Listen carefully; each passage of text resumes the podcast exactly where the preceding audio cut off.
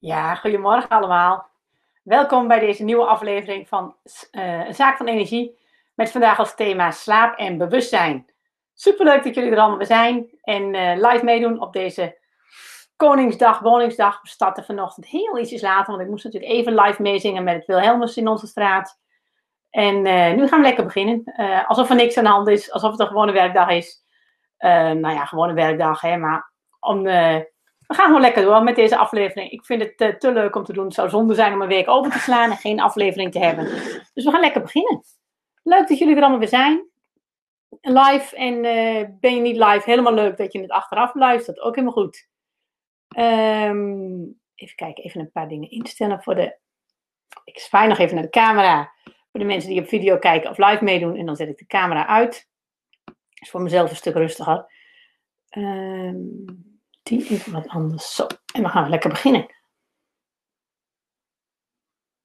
Eens even kijken. Um, nou, vandaag gaan we het hebben over een, een leuk onderwerp, namelijk slaap en bewustzijn en slaap en energie. Daar is ongelooflijk veel over te vertellen. Dat ga ik niet allemaal doen. Ik ga daar een uh, klein beetje over vertellen en uh, daar gaan we het over hebben.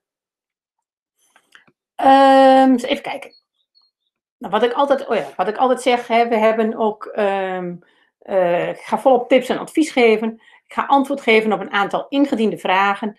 En uh, live chat gaan we doen um, als het tijd is. dus extra vragen tijdens de chat voor de mensen die live meedoen. En um, doe je live mee en heb je tijdens mijn verhaal vragen, dan mag je ook gerust vragen stellen. En dan uh, kijk ik even of ik er nu aan toe kan komen of dat ik het op het laatst doe. Maar zeker als je vragen hebt over wat ik vertel, uh, stel ze gerust. Daarvoor is het leuk als je meedoet met de live chat, want dan heb je die mogelijkheid. Nou, iedereen wil graag lekker werken en met volop energie. En dat wil je ook. Maar ja, soms vliegt je energie eventjes uit de bocht. En dan vlieg je toch weer van die overvloedmodus in schaarste. Loop je te ploeteren en te zwoegen. Of te rennen en te vliegen. Terwijl je ook ontspannen over een goed idee kunt nadenken. En um, met deze serie, uh, Een Zaak van Energie, wil ik je helpen om met de goede zorg voor je energie je werk beter te doen. En dan maakt het helemaal niet uit wat voor werk je hebt. En zorgen voor je energie, dat kan in alle banen, in alle bedrijven. Of je nou ondernemer bent, in loondienst, een leidinggevende functie hebt, minister-president bent of koning. Het maakt niet uit. Als jij goed voor je energie zorgt, dan doe je je werk gewoon beter. En wat mij betreft is dus daarom zorgen voor je energie ook niet een luxe. Zorg voor, voor je energie is een basisnoodzakelijkheid die jij ook verplicht bent aan de wereld. Want als jij goed voor je energie zorgt, dan zorgt je energie goed voor jou. En dan kun jij je werk veel beter doen. Dan ben je meer waard, dan voeg je meer toe. En dan verdien je, ben je dus ook je geld meer waard. Dan verdien je ook vaak meer, letterlijk. Je, krijgt ook gewoon meer. Je hebt er ook veel meer plezier in. Je leven is voor jezelf leuker. Dus voor je energie zorgen is echt niet soft of vaag of een luxe. Het is een noodzaak. En ik vind het een noodzaak en ik hoop dat heel veel meer mensen die verantwoordelijkheid voor hun eigen energie gaan nemen. Om zelf goed voor je energie te zorgen. En dat betekent helemaal niet een strak leven van koffie en moeten. Juist niet. En dat betekent juist een leven van spelen, ontspannen, vrolijk zijn, relaxen. Waardoor je zoveel energie hebt dat je vanzelf ook wilt en doet en mooie dingen neerzet. Nou, en hoe dat dan werkt en hoe je dan goed voor, je eigen energie zorgt, daar wil ik je in deze serie meer over vertellen en meer over leren. En hoe zorg je nou zelf voor die optimale energie? Hoe maak je daar zelf wat moois van? Nou, en dan even de wekelijkse waarschuwing. Op het moment dat het gaat over jou en jouw energie, ben je heel snel geneigd om te kijken naar anderen. Wat kunnen anderen anders doen? Wat moeten anderen fout doen? Wat, wat je hier leert, hè? Dat dan zeg oh, dat is wat voor mijn partner, dat had mijn moeder vroeger anders moeten doen. Dat is wat voor. Nee, dit is wat voor jou. Dus denk aan die bliksemafleider. Als het spannend wordt, ben je geneigd om niet naar jezelf te kijken. Gaan we wel doen. Als het spannend wordt, ga je juist naar jezelf kijken en ga je kijken wat jij anders zou kunnen doen. En, en nou, dat is gewoon een hele belangrijke om ook vandaag weer in gedachten te houden van wat kan ik hiermee doen? Hoe kan ik hiermee beter voor mijn energie zorgen? En het leuke is, als jij beter voor jouw energie zorgt, dan, zorg je, dan verandert de wereld van jou en dan verandert de wereld van anderen vanzelf mee. En dus jouw verantwoordelijkheid is jouw energie. En als je daarmee doet, dan, eh, dan is het gewoon al heel veel. Dan haal je er al heel veel uit. Nou, normaal gesproken zit deze slide aan het einde van de webinarserie. Ga ik in op jullie ingediende vragen. Maar deze week kreeg ik een hele leuke vraag binnen van, volgens mij was het Anne. Ja, Anne zei, dat is zo'n leuke vraag, dat ik dacht, hé, hey, die vraag, daar ga ik gewoon een onderwerp van het webinar van maken. Dat wordt het onderwerp van deze week en daar ga ik alle tijd aan besteden. En dat wil ik je even vertellen, omdat dat natuurlijk ook voor jouw vraag kan gelden. Ik krijg veel vragen aan het eind van de week binnen, op donderdag, vrijdag, zaterdag, soms zondagmiddag nog. Maar als jij nou eens een leuke vraag hebt voor het webinar, mag je die dus ook vroeg in de week indienen. Want afgelopen week was ik nog een beetje aan het mijmeren van, waar zal ik het uh, volgende aflevering eens over gaan laten doen. Ik heb een heleboel onderwerpen in gedachten, maar niks had ik eigenlijk echt zin in. Alles voelde een beetje van, ja, op zich wel leuk, maar ik heb er nu niet zo zin in. En dan weet ik vaak dat er nog iets beters komt. Nou, inmiddels klopt dat dus ook, want toen kwam de vraag van Anne en toen dacht ik, ja, dat is een leuke vraag. En die ging door op iets wat ik net had besproken. Daar zitten vast veel meer mensen mee. Daar ga ik het thema van deze keer van maken. Nou, ik geef je dat mee. Want um, heb je, luister jij naar deze serie live of via podcast? Schroom dus niet om me ook gewoon aan het begin van de week te mailen met de vraag. Want als je me maandag, dinsdag mailt, dan kan ik die vraag vaak nog heel goed gebruiken voor, als onderwerp voor het webinar van de week erna. Woensdag, donderdag kan soms nog, maar meestal begin ik in het midden van de week al met voorbereiden voor het komende webinar. Zeker als ik veel uh, plaatjes en illustraties wil maken, dan begin ik daar op tijd mee. Dus mail op tijd. En wie weet wordt jouw vraag dan ook de vraag van de week. En gaan we daar een, heel, hele aflevering aan besteden. Nou, wat was de vraag van Anne? Anne zei, op een gegeven moment sprak je over zaken, ideeën, gedachten, hè, die s'nachts overgaan van je onderbewustzijn naar je bewustzijn, waardoor je bewustzijn groeit. Dat boeit me enorm, dus ik vroeg me af of je hier meer informatie over hebt. Of een idee waar ik meer informatie hierover kan vinden. En ehm, nou, dat was een leuke vraag. Ik dacht, ja, zeker heb ik daar meer informatie over. Want um, ik heb daar namelijk een heel goed boek over. En uh, dat is een boek wat ik zelf heb gelezen een tijdje geleden. Het boek heet Slaap van Matthew Walker. Het is ook in het Engels beschikbaar. Dan heeft het de schokkende titel Sleep. Um, maar veel van dit soort boeken zijn niet in het Nederlands beschikbaar. Ik lees zelf heel veel van dit soort boeken in het Engels. Het mooie van dit boek is dus dat uitgeverij De Geus de moeite heeft genomen om dit boek helemaal te laten vertalen en in het Nederlands uit te brengen. Dus daarmee is het ook heel toegankelijk voor ieder van jullie. En um, uit dit boek wil ik je vandaag een aantal dingen gaan vertellen over hoe dat zit met slaap en energie en met slaap en bewustzijn. En nu zijn er echt nog ongelooflijk veel meer dingen te vertellen over slaap. Ik zou je echt wel twintig afleveringen van de zaak van energie aan kunnen besteden. Dat ga ik niet doen. Ik heb een aantal highlights voor vandaag gepakt.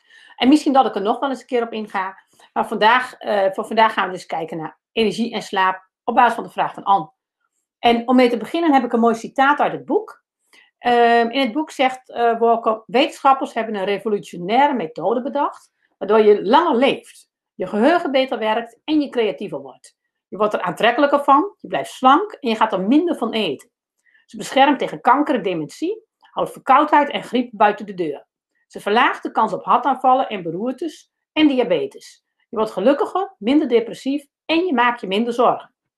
Dit is dus allemaal wetenschappelijk aangetoond. Dit is niet een of andere guru praat van nou ik heb een, eh, een bijzondere pil. Nee, dit is allemaal wetenschappelijk aangetoond. En zijn grote vraag is, zou je die methode, die de wetenschappers dus hebben gevonden, dat wondermiddel, zou je dat willen proberen? En het antwoord is natuurlijk jazeker. En wat is dat wondermiddel dan? Nou, slaap. En um, slaap heeft dus een hele grote invloed op jou en je bewustzijn. En je kunt dus heel veel meer bereiken door slimmer te slapen. En ik kan je ook vast verklappen, slimmer slapen betekent niet korter slapen en per se vroeger opstaan. Slimmer slapen is iets heel anders. Wat dat precies is, dat gaan we in dit webinar bespreken. En alle teksten die je in deze aflevering ziet, als je meedoet op video of live, komt heel veel tekst in beeld. Die komen allemaal integraal, vrijwel letterlijk uit dit boek. Heel af en toe heb ik een paar woordjes uh, aangepast of wat zinnetjes ingekort voor de leesbaarheid. Uh, maar vrijwel alles komt uit dit boek. Dus als je zegt van oh, ik vind dit interessant of ik wil hier meer van. Heel simpel, ga dit boek lezen. Met je Walker over slaap. En uh, natuurlijk hoef je het boek niet te lezen, want ik ga je in dit webinar een heleboel vertellen. Met name, wat betekent slaap nou voor je energie? Wat kun je met slaap vanwege je energie? En hoe kan slaap uh, je energie, bewustzijn heel erg beïnvloeden? Wat gebeurt er dan precies? Daar gaan we vandaag in de vogelvlucht lekker doorheen. Nou, als eerste wil ik beginnen, als eerste onderwerp gaan we kijken naar slaap en energie. Wat doet slaap nou met jouw energie? Wat, wat, wat, wat voor invloed heeft het daarop? Um, nou, ik heb in dit, deze keer een heleboel slides met tekst. Die ga ik deels helemaal voorlezen, deels uh, korter voorlezen. Als je live meedoet, hoef je niet mee te lezen. Luister gewoon, dan hoor je het vanzelf. Um, maar wil je dingen nog eens terugkijken of terugzien, dan kun je gewoon uh, de video op YouTube bekijken en alle teksten rustig uh, bekijken. Slaaptekort is een, uh, een lifestyle factor die bepaalt of je wel of niet de ziekte van Alzheimer krijgt. En werkt zo verstorend op je bloedsuikerspiegel, zelfs als dat niet meer dan een week is, dat die overeenkomt met het voorstadium van diabetes. En natuurlijk kan zich dat ook weer herstellen, maar slaaptekort bepaalt dus enorm, heeft dus een enorme invloed op, ehm, op je gezondheid. Uh, ook op dingen waarvan we denken dat dat ja, onomkeerbaar is. Hè? Of dat, dat je daar een aanleg voor hebt. Dingen zoals Alzheimer en diabetes zijn dus enorm door slaap te beïnvloeden. Hij zegt ook, als je de basis van slaap wegneemt of maar een beetje verzwakt, halen ook de beste voeding en de gezondste lichaamsbeweging niets meer uit. En elk belangrijk weefsel, systeem en orgaan in je lichaam leidt eronder als je te weinig slaapt. Nou, er is één groep in de maatschappij die dit ontzettend goed weet en doorheeft. En dat zijn de topsporters. Het is niet voor niks dat topsporters heel vaak een middagdutje doen. Veel rusten, veel slapen. Zij weten, en omdat ze hun sportprestaties zo goed meten, weten ze ook wat dat voor invloed heeft op hun lichaam. En dus ik denk dat, dat topsporters een van de weinige groepen in onze maatschappij zijn waar veel slaap ook um, cultureel is geaccepteerd. In heel veel sectoren, bedrijven, overheden, uh, is het natuurlijk vaak heel stoer om weinig te slapen, vroeg op te staan, lang door te hakken. Hè, en um, wordt dat stoer gevonden. We zullen straks zien waarom dat echt dramatisch fout is. Wat je bijvoorbeeld ook hebt, een invloed van slaaptekort op het lichaam, is dat je sympathische zenuwstelsel overactief wordt. Dus dat is die vlucht- en vechtstand. En gedurende een periode van slaaptekort en zelfs nog enige tijd daarna, blijft het lichaam dan ook hangen in die vlucht- en vechtstand. Het is heel belangrijk om je te realiseren. Dus doordat je minder slaap hebt, zit je eigenlijk altijd in die onrustmodus van het klopt hier niet helemaal of het is heel onrustig. En tekort aan slaap leidt tot een hogere concentratie van een hormoon waar je honger van krijgt. Terwijl de aanmaak van een ander hormoon dat aangeeft dat je genoeg hebt gehad, wordt onderdrukt. En dus ook al zit je vol, dan blijf je toch meer willen eten. En um, onderzoek heeft ook aangetoond dat slaaptekort zowel bij volwassenen als bij kinderen de kortste weg is om in gewicht aan te komen. En dus ietsjes minder slapen betekent dus dat je hele um, hongerregulatie gedurende de dag verstoord raakt. Nou, het positieve nieuws is er ook, namelijk dat genoeg slapen kan je helpen om op gewicht te blijven. En bij een volle nacht slaap is het communicatiekanaal tussen de hersengebieden waar je hedonistische behoeften zitten, hè, dus genot en uh, plezier, en de regio's waarmee die worden ingetoomd, weer kon herstellen. En dus dan wil je wel pleziertjes, maar dan heb je veel minder de neiging om te snacken of nu die chips te moeten. En dat kan herstellen en daardoor um, hoef je minder te snacken. En ook minder te checken. Hè. Ook het social media gebruik kun je dan makkelijker uh, in toom houden, zonder dat het je heel veel moeite kost. En, dus voldoende slaap zorgt er dus voor dat dat hele systeem van impulscontrole weer wordt aangezet, zodat je een soort natuurlijke rem hebt tegen te veel eten. En dat, dat, dat je je hoofd je, jezelf eigenlijk veel makkelijker in toom houdt. Maar dit is ook bijvoorbeeld een leuk voorbeeld van waarom ga je op vrijdagavond vaak snacken? En, en uh, vind je het op vrijdagavond moeilijk om die lekkere hapjes te laten staan? Dat, dat is vaak bijvoorbeeld omdat je gedurende de week slaaptekort hebt opgebouwd. En vroeg op, net te laat naar bed. Vrijdagavond ben je moe en dan is het heel moeilijk om van die snackjes af te blijven. Maar er is ook weer goed nieuws, hè, want door slaap worden ook de emotionele circuits in onze hersenen weer geëikt. Hè, dus weer hersteld. Waardoor onze psychologische gezondheid zich herstelt. En uh, slecht nieuws was er ook. Hij zegt van, het is alsof ons brein, als het geen slaap krijgt, terugvalt in een primitief, ongecontroleerd patroon. We produceren ongeremde, ongepaste emotionele reacties. En we zijn niet meer in staat om gebeurtenissen goed te overdenken of in een bredere context te plaatsen. En dus um, op het moment dat je dus minder slaapt, ben je emotioneel minder in balans. Krijg je ook de verkeerde emotionele reacties, kun je dingen niet meer overdenken, in de context zien. Ga je natuurlijk nog weer extra emotioneel reageren. En, um, en hij zegt dus ook, uh, we ontdekten dat bepaalde emotionele centra, diep verborgen in de hersenen, achter de amygdala, die te maken hebben met impulsiviteit en beloning, die gevoelig zijn voor dopamine, bij slaaptekort hyperactief werden in reactie op plezierige ervaringen. En dus als je slaaptekort hebt en je hebt dus iets wat ja, een beetje impulsiviteit en beloning oproept, zoals die zak chips, zoals die reep chocola, zoals die fles wijn, dan wordt dat hersengebied een soort van hyperactief en kun je jezelf veel moeilijker remmen. Maar als je wel genoeg slaapt, dan heb je die natuurlijke remmingen veel meer. Nou, een van de dingen die ze ook ontdekt hebben, is dat um, heel veel psychiatrische ziektes samenhangen met slaapproblemen. Hij uh, heeft in zijn boek zelf de stelling dat er vrijwel geen psychiatrische ziektes zijn die geen slaapproblemen hebben. Nou, dat kun je je ook voorstellen als je dit nu weet. En dat als slaaptekort voor zoveel emotionele problemen leidt, dat dat met heel veel psychische ziektes kan samenhangen. Nou, even heel praktisch, wat betekent dit nou voor mij? Want ik wil jullie niet alleen overstelpen met wetenschappelijke informatie, maar ook af en toe eens even reflecteren op hoe zit dat voor mij en hoe kan dat voor jou in elkaar zitten. Want ik merk bij mezelf, als ik tekort heb geslapen, dan heb ik bijvoorbeeld heel veel zin in chocola na de lunch. En dan heb ik echt die chocolade-energie oppeppen nodig. Na de lunch dan schiet mijn spijsvertering aan, dat kost wat energie. En dan schiet ik dan in een dip die uh, dan niet te repareren is. Dan moet, moet, moet ik chocola. Ik moet, moet, moet ook snacken rond vijf uur. Dan krijg ik echt honger, terwijl ik genoeg gegeten heb. Als ik echt veel uh, te weinig heb geslapen, dan voel ik me vaak overdag ook wat meer warm. Alsof mijn verbranding op een ander tempo staat, maar ik heb het ook veel sneller koud. Dus mijn temperatuurregeling die klopt niet helemaal. En dat is een subtiel verschil. Vroeger had ik dat nooit zo door. Maar op een gegeven moment ging ik het merken en toen ik het één keer gevoeld had, bleef ik dat zien. Ik ben ook tijdens mijn coachingscalls ben ik dan mopperiger. Als ik slaaptekort heb gehad, dan ben ik wat, wat mopperiger. Nou, dat, dat, dat, doe ik, dat hou ik dan natuurlijk wel in. Dus daar heb ik vooral zelf last van. Maar ik merk ook dat ik wat minder geconcentreerd ben. En um, heel veel calls duren dan ook wat langer. Niet altijd hoor. Ik heb natuurlijk ook soms een uitdagende klant of een lastig probleem. Of juist een heel leuk gesprek waarin we hele grote stappen zetten. Dat de call is wat langer duurt. Um, maar wat ik uh, dus vaak merk als ik te kort geslapen heb, dan gaat het echt wel ten koste van mijn scherpte in mijn coachingscalls. Dus ook ten koste van de kwaliteit van mijn werk. En ik heb heel erg uh, met impulsief gebruik van uh, schermen. Ik kan mijn telefoon niet meer wegleggen, ik blijf op Facebook hangen, al dat soort dingen veel negatieve dingen. Gelukkig zijn er ook uh, positieve dingen. Lily zegt, gelukkig kun je het nog wel binnenhouden, je gemoppel, precies. um, dus dat, uh, dat is dan ook echt wel iets waar ik mezelf beheersing op zet. Maar ik zorg er dus wel voor dat ik nooit heel veel te weinig slaap als ik ook met klanten moet werken. In mijn geval is het hoogstens een half uurtje later naar bed of zo, of een uurtje. Maar dan kan ik vaak ochtends ook wel langer uitslapen. Maar ik zorg er dus echt heel bewust voor dat ik meer dan genoeg kan slapen als ik met klanten moet werken. Want Um, het heeft ook heel veel positieve effecten. Als ik goed en lang slaap, heb ik geen honger na de lunch. Tot aan het avondeten ben ik dan wel voldaan, ga ik niet snacken, heeft mijn spijsvertering ook veel meer rust en kan ik me dus ook in de middag veel beter concentreren. Ik kan beter luisteren, ik heb meer geduld. Praten lukt bij mij altijd wel, maar luisteren hè, en uh, ook door dingen heen prikken en uh, verbanden leggen, dat lukt gewoon makkelijker als ik goed geslapen heb. Ik ben veel rustiger, dus minder die modus van checken en checken. En um, wat ik dan ook ga doen, is interessant. Als ik goed geslapen heb, zijn mijn avonden leuker.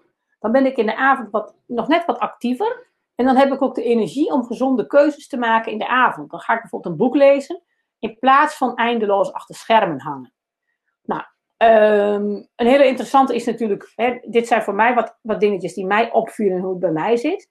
Maar ga voor jezelf eens afvragen, wat doet slaap met jouw energie? En wat betekent te weinig slaap voor jou?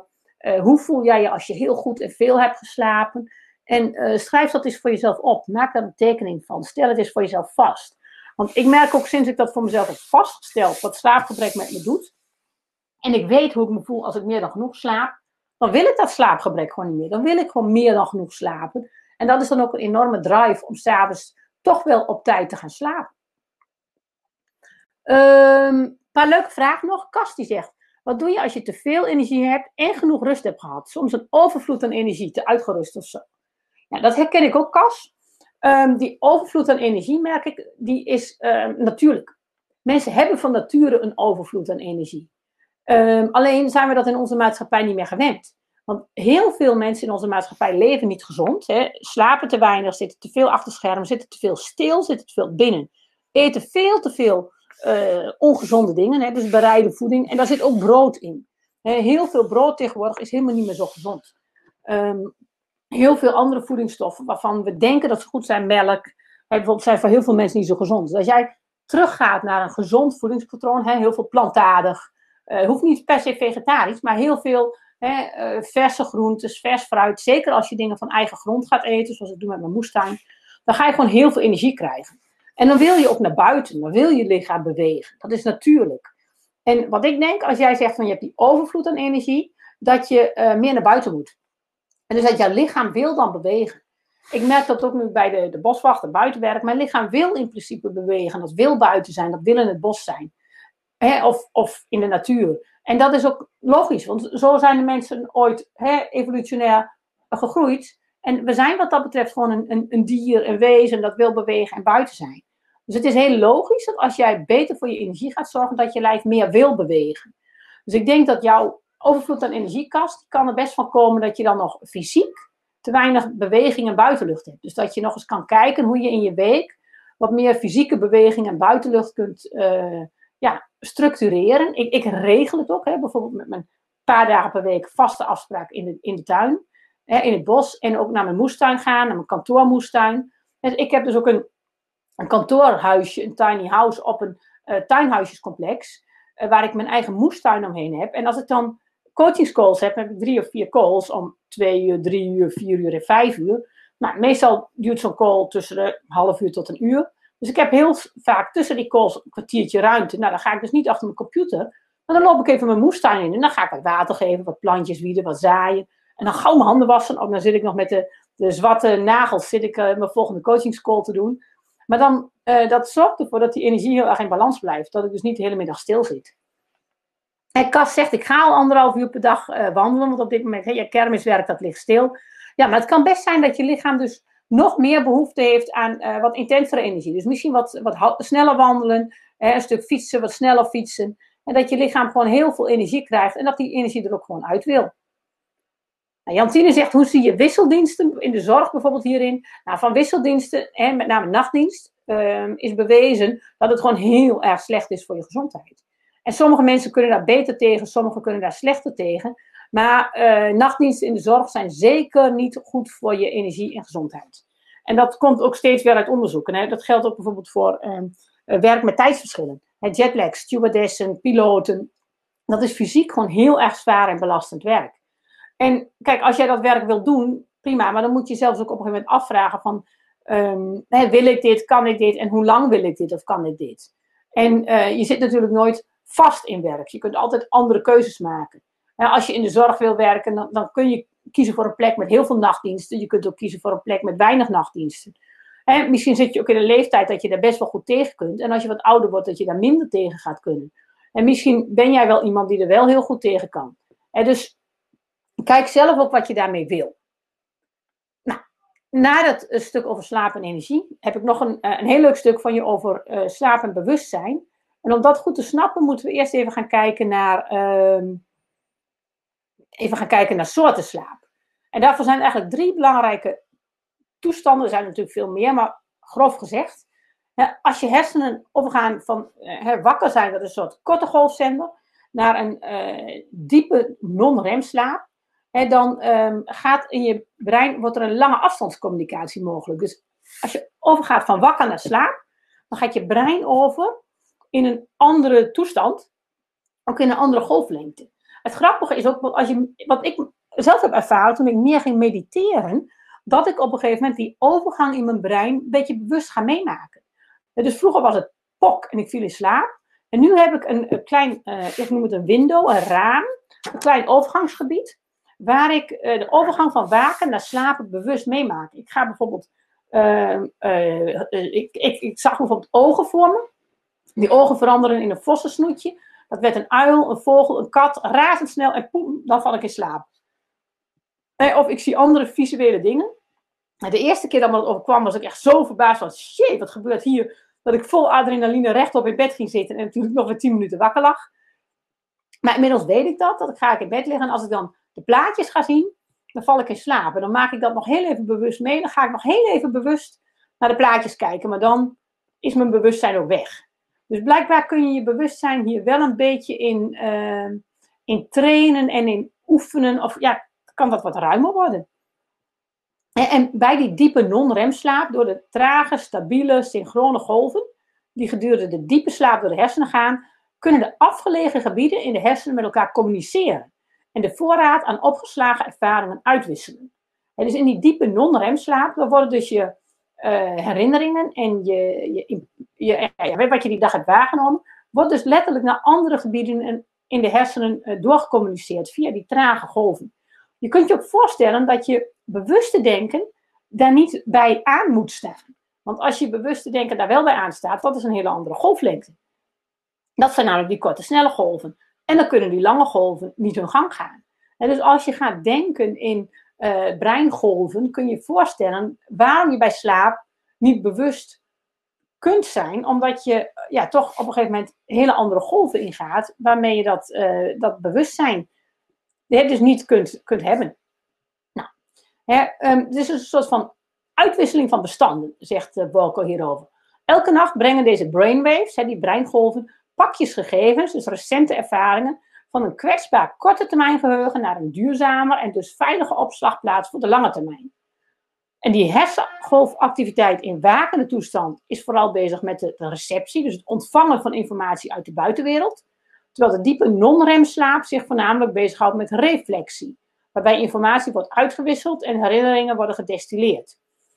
En hier kun je dus ook alweer begrijpen dat er een nachtje over slapen, en dat dat ervoor gezorgd heeft dat recente ervaringen gekoppeld worden aan ervaringen uh, uit een verder verleden. En dat je dus een volgende ochtend ja, er vaak anders tegenaan kijkt, tegen die recente ervaringen.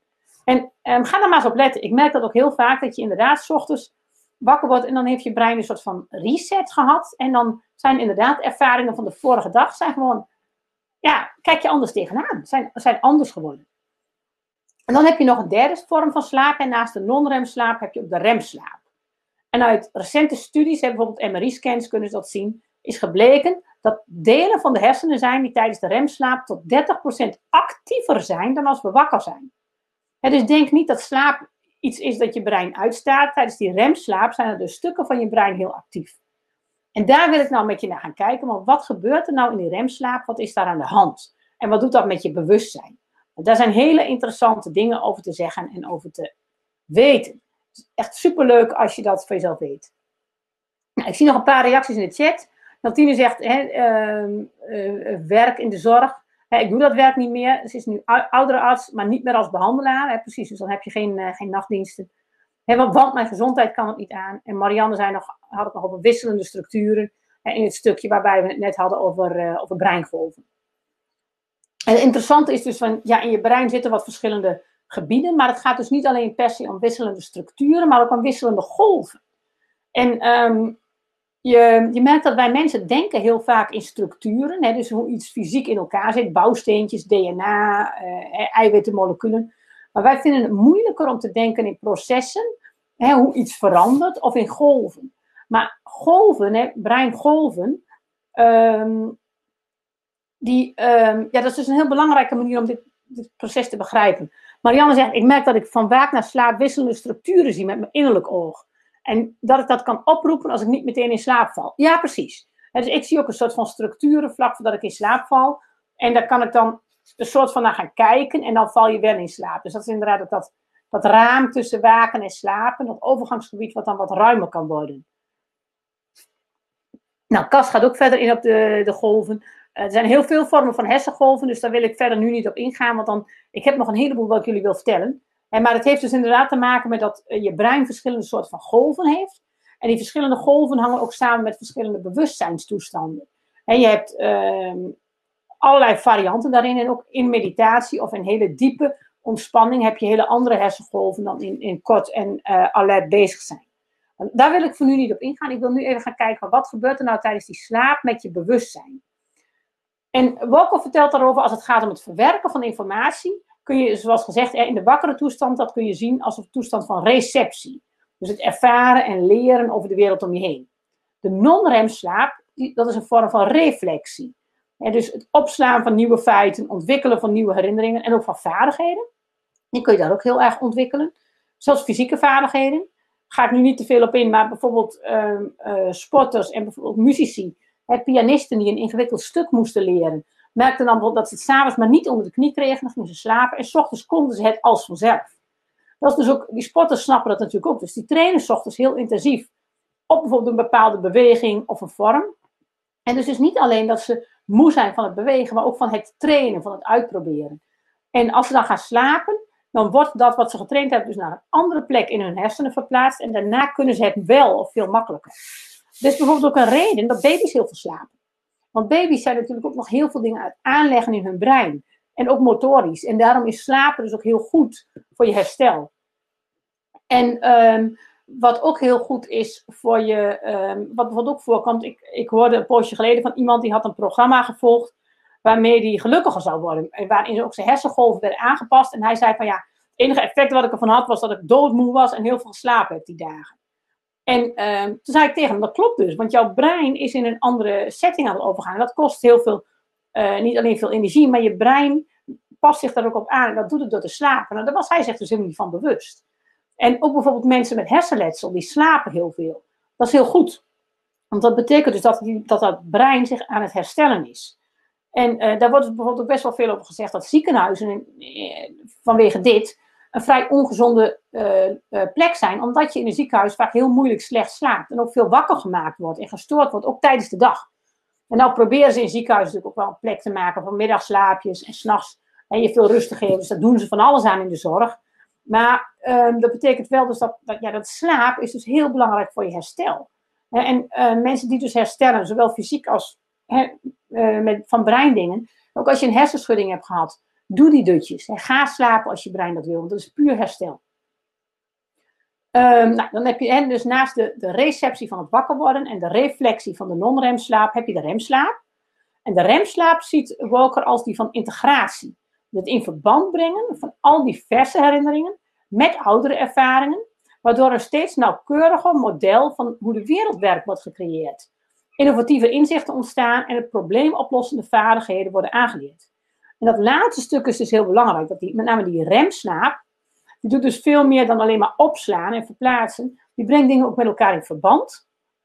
En wat we zullen gaan zien is die remslaap, die doet nog meer.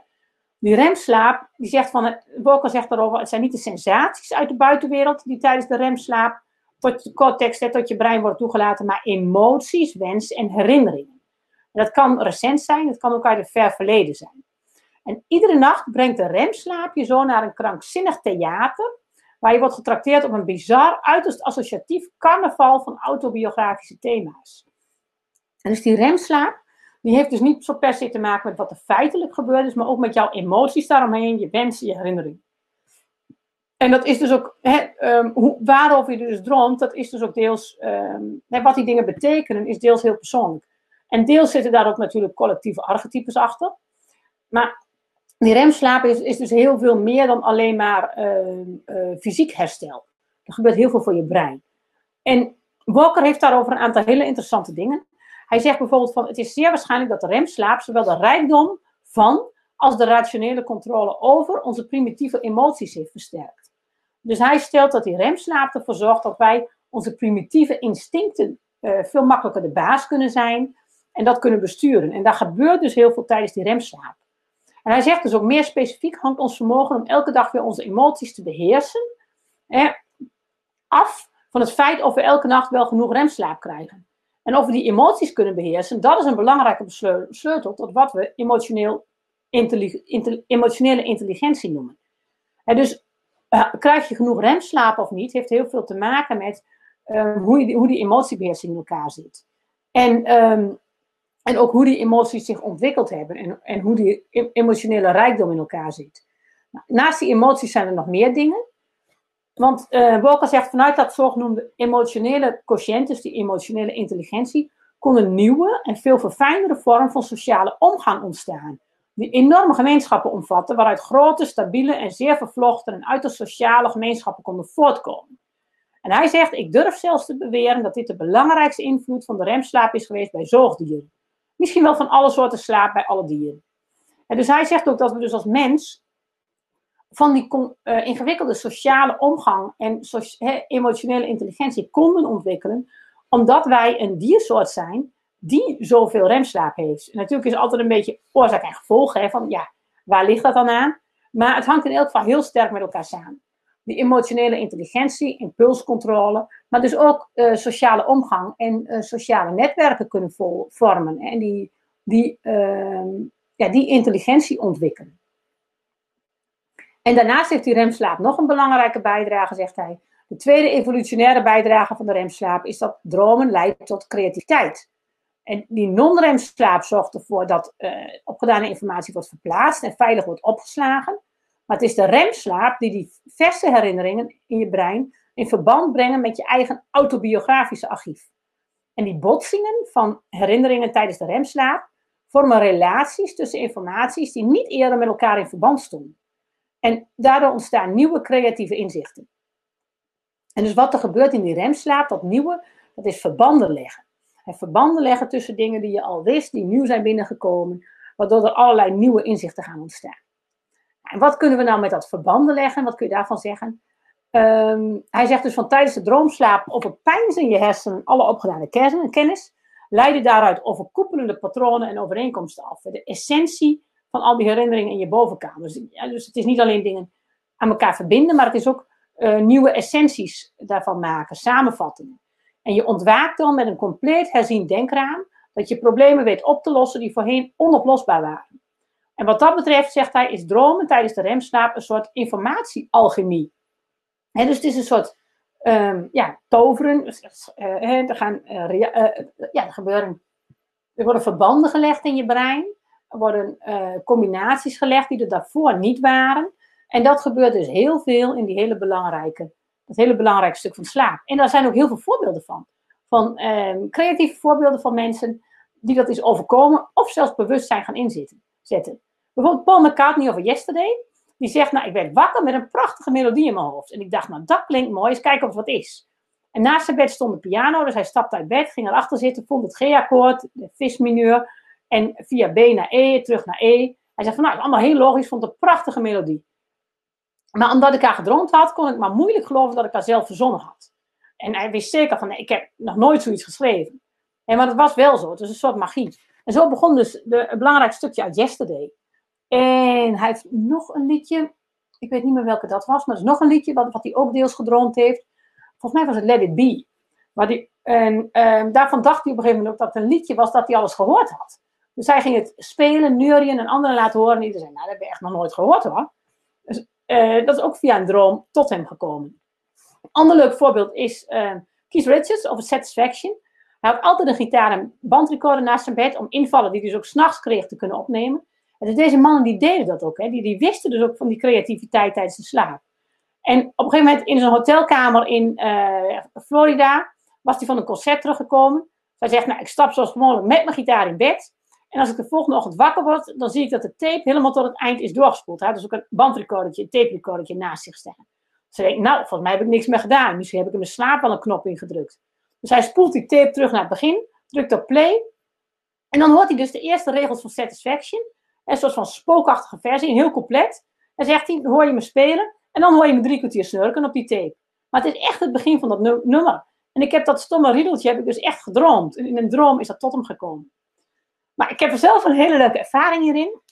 Dat, ik vertelde dus al dat ik op een gegeven moment ehm, die uh, structuren en dierensnuitjes en ogen ging zien als ik in slaap viel. En op een gegeven moment heb ik dus ook een week gehad dat ik niet alleen uh, beelden zag, maar ook prachtige muziek hoorde. Een soort Beethoven, Mozart achter, echt prachtige muziek. Maar ja, ik kan niks met muziek. Ik heb wel iets van muziekles gehad, maar ik kan heel slecht muziek onthouden. Een soort dyslexie voor muziek, amusia heet dat. Ik kan het ook niet opschrijven. Dus na die week verdween dat weer.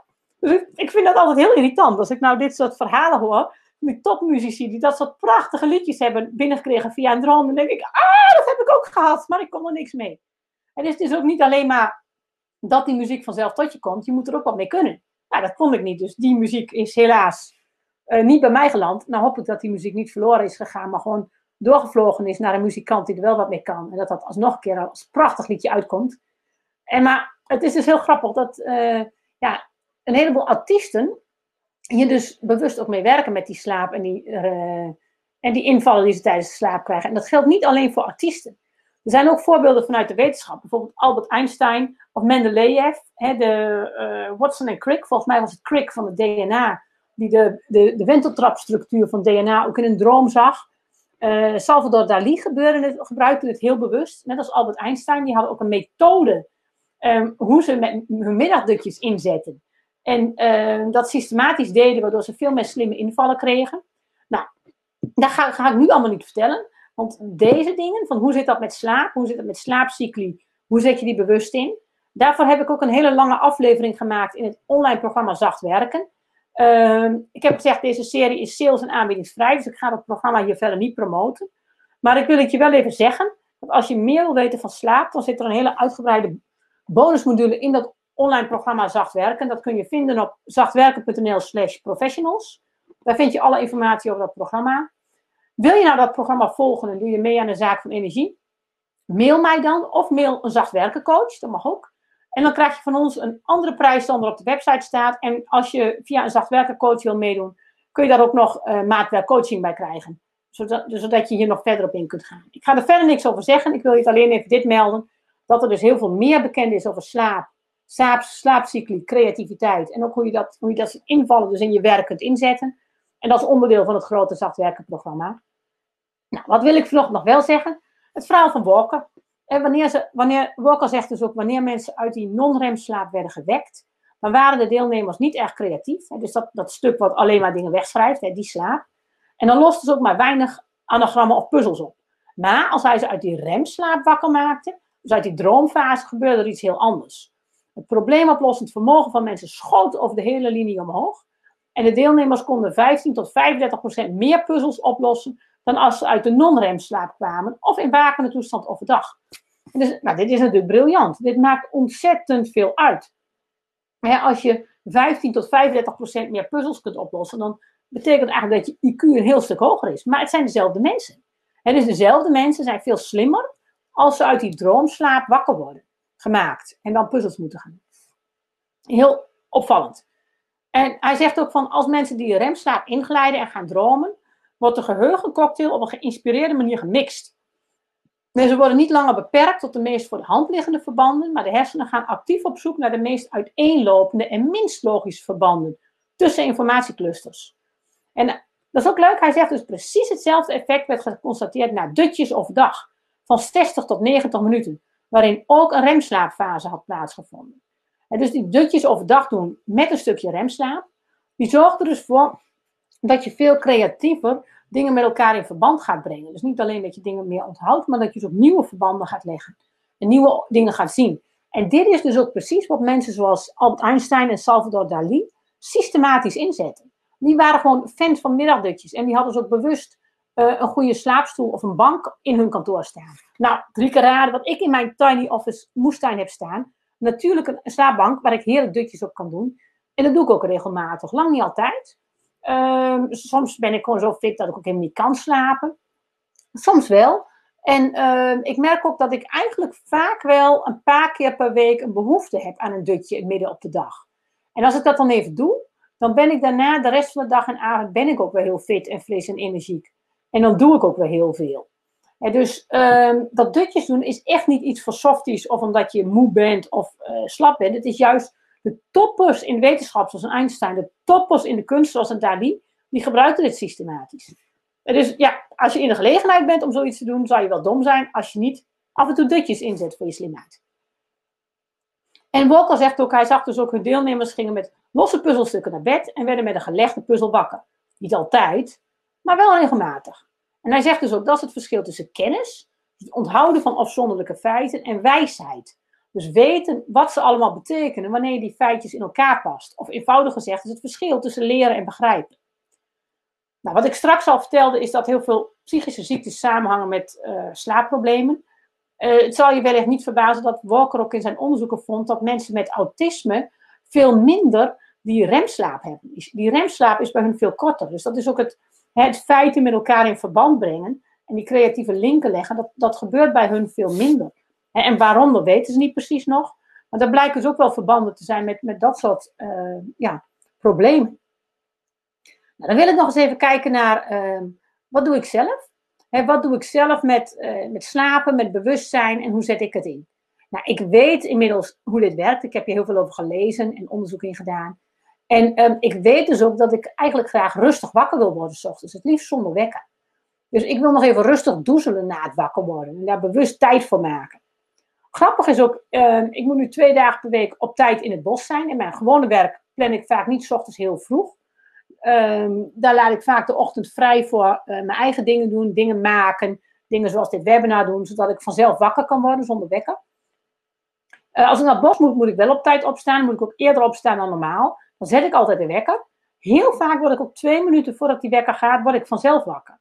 Terwijl dat niet mijn ritme is. Dus dat is heel grappig. Dat kun, je brein kan dat dus blijkbaar aan Als je weet, ik moet om 7 uur wakker worden en normaal sta ik later op, dan wordt mijn brein vaak om 2 minuten voor 7 wakker. Niet altijd, maar als ik fit genoeg ben, dus op tijd naar, naar bed ben gegaan, dan gebeurt dat. Nou, wat ik ook vaak heb als ik net wakker word, dan heb ik een soort van flitsgedachte. Dan, heb ik, gaat, en dan zit ik nog een beetje in die waak-droomfase. Dan heb ik heel snel gedachten en ideeën door mijn hoofd, die ook direct weer wegflitsen. Dus ik ga die ideeën ook niet opschrijven of vasthouden. Dus het schiet er gewoon door mijn hoofd en ik wil in die staat blijven. Want ik heb inmiddels ontdekt dat later op de dag komen die ideeën vanzelf wel terug. Dan verzin ik van alles, er schiet van alles door mijn hoofd. En later op de dag denk ik dan van, hé, hey, oh ja, dat is waar ook, dat had ik vanochtend bedacht. Dus dat kan ik op, inmiddels op vertrouwen, dat op het goede moment komt die gedachte wel weer langs. Nou, ik weet ook inmiddels dat ik ochtends, in die tijd dat ik dus wakker word zonder wekker, en even in bed blijf liggen, heel veel goede invallen heb. En het voelt dan vaak als verlummelen, dat ik soms, soms maar een half uur, drie kwartier in bed te niksen. Maar ik weet dat ik veel goede invallen heb die me ook tijd besparen. En ik weet dat ik die tijd later uh, terugverdien door allerlei dingen niet te doen. En ik heb ook inmiddels geleerd om die invallen te vertrouwen. En ik vertrouw dus op dat de tijd die ik dus ochtends verlummel, dat ik die later terugwin, um, doordat ik goede ideeën heb. Moet wel wat bijzeggen. Dit is wel op het moment dat ik s'avonds op tijd ben gaan slapen, uh, geen alcohol drink, niet veel suikers eet, geen granen eet, weinig slechte granen eet, um, dan heb ik dit. Op het moment dat ik laat naar bed ga, omdat ik veel gedronken heb, lang achter schermen heb gezeten, en dan ochtends uren in bed blijven liggen, ja, dan is het alleen maar brakheid. Dan, dan, dit, dit heb ik alleen als ik helder ben gaan slapen. En dan word ik ook helder wakker. En dan heeft dit zin. En ik ga trouwens vaak ook, als ik wakker word, eerst dit doen. Hè? Dus eerst nog even in bed rustig wakker worden. Uh, dat op gang laten komen. En daarna ga ik ook nog mediteren. Dit is niet mijn meditatietijd. Want een zittende meditatie is voor je bewustzijn heel anders dan dit liggende dromen doezelen. Dus ik doe beide ochtends. Nou, wat ik ook bewust inzet, is er een, een nachtje over slapen. Ik vraag mijn coachingsklanten altijd om mij een dag van tevoren te mailen. Met hun coachingsvragen, hoe het met ze gaat en een aantal dingen. Omdat ik weet, als ik dat lees en ik slaap er een nachtje over, dan heb ik de volgende ochtend al andere inzichten voor ze. En dan ben ik dus slimmer. En die slimheid, daar mogen ze van gebruik maken door me op tijd te mailen. Ik maak ook heel vaak presentaties en bijvoorbeeld blogs of artikelen hè, en presentaties zoals deze over meerdere dagen verspreid. Het kan prima in een dagje, maar als ik er dan de volgende dag naar kijk, dan zie ik toch nog weer bepaalde verbanden. Dan heb ik extra inzichten. Dus ik doe dat heel bewust. Laat ik mijn slaap daar ook aan werken en mee bezig zijn. Een lastige mail, een lastig appje, zeker als er veel emotie achter zit, beantwoord ik dat nu heel graag morgen. Omdat ik dan merk dat de emoties bij de ontvanger zijn anders, want die heeft een nachtje over die emoties geslapen en die emoties zijn verwerkt, maar bij mij ook. Dus um, ik heb soms de neiging om daar juist vol in te vliegen en nu te doen. Maar ik weet dat het met door te slapen, dat het uh, krachtiger wordt dat ik het, als ik het uitstel. En um, wat ik aan jullie wil vragen is, hoe zet jij je slaap in? En hoe kun jij je slaap slimmer inzetten nu je dit weet, om daar meer uit te halen? Kas zegt, kun je ook leren als je tijdens slapen uh, lesteksten afspeelt? Ja, heb ik wel eens geprobeerd, Kas, maar uh, bij mij heeft dat nooit gewerkt en ik sliep er alleen maar heel onrustig van. Dus ik geloof meer in een rustige diepe slaap, dan dat je slaap door dit soort dingen laat verstoren. Hij zegt van het zou handig zijn voor wiskundeproefwerken. Ja, maar wiskundeproefwerken is juist vaak niet talig. Dus als je talige teksten opzet, is volgens mij een heel ander stuk brein. Lydia zegt, wat als je slecht slaapt door die moeilijke mail? Ja, dat is een goede vraag. Um, ik, ik slaap eigenlijk nooit slecht door een mail, omdat ik goede ontspanningstechnieken heb. Die ervoor zorgen dat ik niet aan dat soort dingen denk s'avonds als ik in slaap val.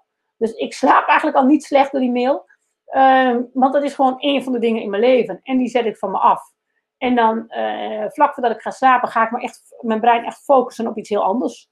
En dan is daar gewoon geen ruimte voor uh, dit soort dingen. In elk geval minimale ruimte. En dan laat ik me daar ook zeker niet door meeslepen. Dus als ik al aan zoiets ga denken, denk ik, oh nee, terug. En dan ga ik mijn uh, gedachten weer verplaatsen naar wat ik wel wil. En uh, dat focussen, daar heb ik trouwens een hele grappige methode voor. Um, om in slaap te vallen, dat doe ik helemaal niet met ontspannings- of yoga-technieken, want ik merkte dat ik dan juist slecht sliep. Nee, wat ik ga doen is echt heel banaal. Ik heb nog nooit trouwens van iemand gehoord die dat ook deed, maar wat ik doe is, ik, ik verzin verhaaltjes. Hele simpele, cliché, kitscherige verhaaltjes, waarin ik bijvoorbeeld de prinses ben in een groot kasteel, met een prachtige prins in een groot rijk. En dan speel ik dat alsof ik in een speelfilm zit en dan gebeurt ook van alles. En dat hoeft helemaal niet mooi of goed of leuk te zijn. Het gaat er alleen maar om dat ik daar heerlijk in wegdroom. Nou, dan slaap ik in no time. En ik ben dat eigenlijk als kind al gaan doen. Dat ik allerlei verhaaltjes verzon waarin ik de held was. En uh, vaak slaap ik dan, als ik dat, zet ik dus het verhaaltje van gisteravond, zet ik als het ware weer op in mijn hoofd. Dus ik ga door met het verhaaltje van gisteravond. En dan weet mijn brein ook van, oh, we gaan in slaap vallen. En dan slaap ik ook zo. En de heilige wet bij die verhaaltjes is ook dat ik die verhaaltjes, dat ik daar overdag nooit aan denk. Dus ik ga niet tijdens een autorit of een treinrit of iets aan die verhaaltjes denken. Nee, die zijn alleen voor vlak voor slaap gaan. En ik had als kind wel eens dat ik die verhaaltjes zo leuk vond. Maar ja, je valt dan super snel in slaap. Dat ik soms zelfs rechtop in bed ging zitten om met mijn hoofd te schudden. Om nog even wakker te blijven, om iets verder te komen in mijn verhaaltje. Dus um, zo doe ik dat. En dat is voor mij dus ook een manier om, uh, om slaapgebrek te voorkomen. En om ervoor te zorgen dat ik altijd heel makkelijk en vlot in slaap val. Wat er ook gebeurt. ook als ik een, uh, spannende tweedaagse geef voor een groep. Als ik in hotels sliep. Um, als ik in het buitenland sliep met een jetlag. Kon ik op deze manier vaak heel vlot toch in slaap vallen. Nou, nog een paar leuke inzichten van Walker. Hij zegt als je deelnemers de keuze geeft tussen werkzaamheden die een verschillende mate van inspanning vereisen. dus van makkelijk luisteren naar voicemails tot moeilijk. Hè, bijvoorbeeld helpen met de ontwikkeling van een complex project dat intelligente probleemoplossing en creatieve planning vereist. Dan zul je zien dat degenen die de voorafgaande dagen minder slaap hebben gehad, keer op keer de minder uitdagende problemen kiezen. Ze volgen de weg van de minste weerstand en ze bedenken bovendien minder creatieve oplossingen. Hij heeft dit ook getest met uh, door mensen, dezelfde mensen weinig en veel slaap te geven. En hij zegt dan van ja, dezelfde mensen die doen de volgende keer wel de creatieve lastige dingen. En dus je ziet dat mensen dus in hun werk kiezen voor de weg van de minste weerstand als ze minder slaap hebben gehad. En als ze genoeg hebben geslapen, dan doen ze dus wel die creatievere dingen. En hij zegt ook, het is interessant dat deelnemers aan het onderzoek zelf niet de indruk hadden dat ze zich minder goed concentreren. Of dat ze minder effectief werkten wanneer ze slaaptekort hadden. En ze leken zich niet bewust van hun verminderde arbeidsinspanning en arbeidsprestatie. En dat is natuurlijk heel dramatisch. En wat hij dus hier wil laten zien, is je weet niet wat je niet weet. En je weet dus niet uh, dat je minder scherp bent als je minder slaap hebt.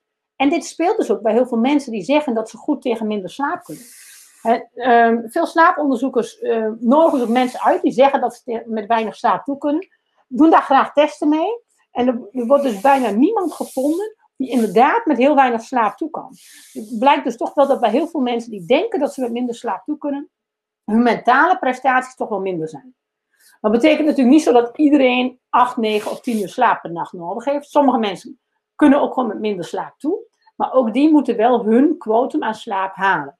En anders kan het best zijn dat je nog redelijk presteert overdag. Maar wat waarschijnlijk zo is, is dat je niet meer ziet waar je niet goed presteert. Dat je zelf denkt dat je heel goed bezig bent. Maar dat je dus niet ziet dat je vooral hè, belandt in voicemails beantwoorden. En makkelijk routinematig werk doen. En het lastigere werk laat liggen. Wat, is ook nog een belangrijke. Uh, ehm, Wolken constateren dat het grootste deel van de remslaap, dus dat creatieve deel waar je brein behoefte aan heeft, zit in het tweede deel van de nacht, in de vroege ochtenduren. Dus hij zegt, zelfs als je maar 25% van je totale nachtrust mist, verlies je 60 tot 90% van je remslaap. Nou, dat is dus een hele belangrijke om te beseffen. Dat als je dus een beetje korter slaapt, dat je dus een heel groot deel van die belangrijke creatieve remslaap kwijt bent. En die creatieve remslaap is niet alleen belangrijk voor artiesten of topwetenschappers, maar die is belangrijk voor alle kenniswerkers. Want kenniswerkers die werken dankzij hun kennis. En dan gaat het om kennis, om ideeën, om creativiteit. En we weten allemaal dat we best wel vaak belanden in zwoegen, zweten, rennen. En wat is dat zwoegen, zweten, rennen als we hard gaan werken? Dat is dus vaak overzicht kwijt zijn, creativiteit kwijt zijn. En dat heeft dus ook te maken met te weinig slaap. En op het moment dat je dus merkt dat je druk bent, en dat je ehm, veel werk op je bordje hebt liggen. Wat is dan het allerbelangrijkste? Het allerbelangrijkste is dat je goed prioriteiten kunt gaan stellen. En wat heb je daarvoor nodig? Je slaap. En een van de, van de dingen die, ook, die ik ook heel vaak aan mijn coachingsklanten zeg is: slaap genoeg en werk in je bullet journal. Schrijf in je bullet journal je taken op. Maak een overzicht van de komende week. Waar zitten knelpunten? Wat zijn je prioriteiten? En vanuit dat overzicht kun je dan dingen makkelijk gaan doen, want dan ben je weer slimmer. En dus dit zijn hele belangrijke tools. Voldoende slapen, voldoende reflectievermogen inbouwen in je week. Om productief en creatief te zijn. Juist als je heel druk bent. En juist als je heel druk bent, als je heel uitdagend werk hebt, waarin heel veel van je wordt gevraagd, juist dan moet je heel veel slapen. Nou, Wolke geeft daar ook echt een aantal grote probleemgebieden aan in zijn werk. Hij zegt bijvoorbeeld een probleemgebied is de zorg. En met name onder artsen de mentaliteit onder artsen van heel lange diensten draaien, co-assistenten, hele lange werkweken laten draaien. Dat is echt funest voor je beoordelingsvermogen. Dan kun je gewoon niet een goede diagnose stellen. En sterker nog, je raakt dus zelf ook kwijt dat je niet een goede diagnose kunt stellen. En dus hij vindt dat soort culturen heel zorgelijk. En uh, ja, ik denk dat, dat we daarmee eens moeten zijn. En uh, natuurlijk zorgelijk voor artsen en ziekenhuizen, maar het is nog vooral veel zorgelijker als jij dat in jouw werkfout doet. Want daar ben jij de baas, daar heb jij de regie. Dus zorg er net wel zelf voor dat je het goed doet. Nou, dan nog wat over schermen. Walker zegt van uh, deelnemers liepen na het lezen op de iPad significante hoeveelheden remslaap mis. Ze voelden zich overdag slaperiger, minder fris als ze de avond ervoor de iPad hadden gebruikt. En er was ook sprake van een langdurige nawerking. Enkele dagen nadat ze met de iPad waren gestopt, was de stijging van hun melatonineconcentratie s'avonds nog steeds 90 minuten vertraagd. Het, het, door, door het kijken in, in die felle schermen worden die melatonine-niveaus verstoord. Dat is een hormoon wat ervoor zorgt dat je slaperig wordt en goed in slaap valt.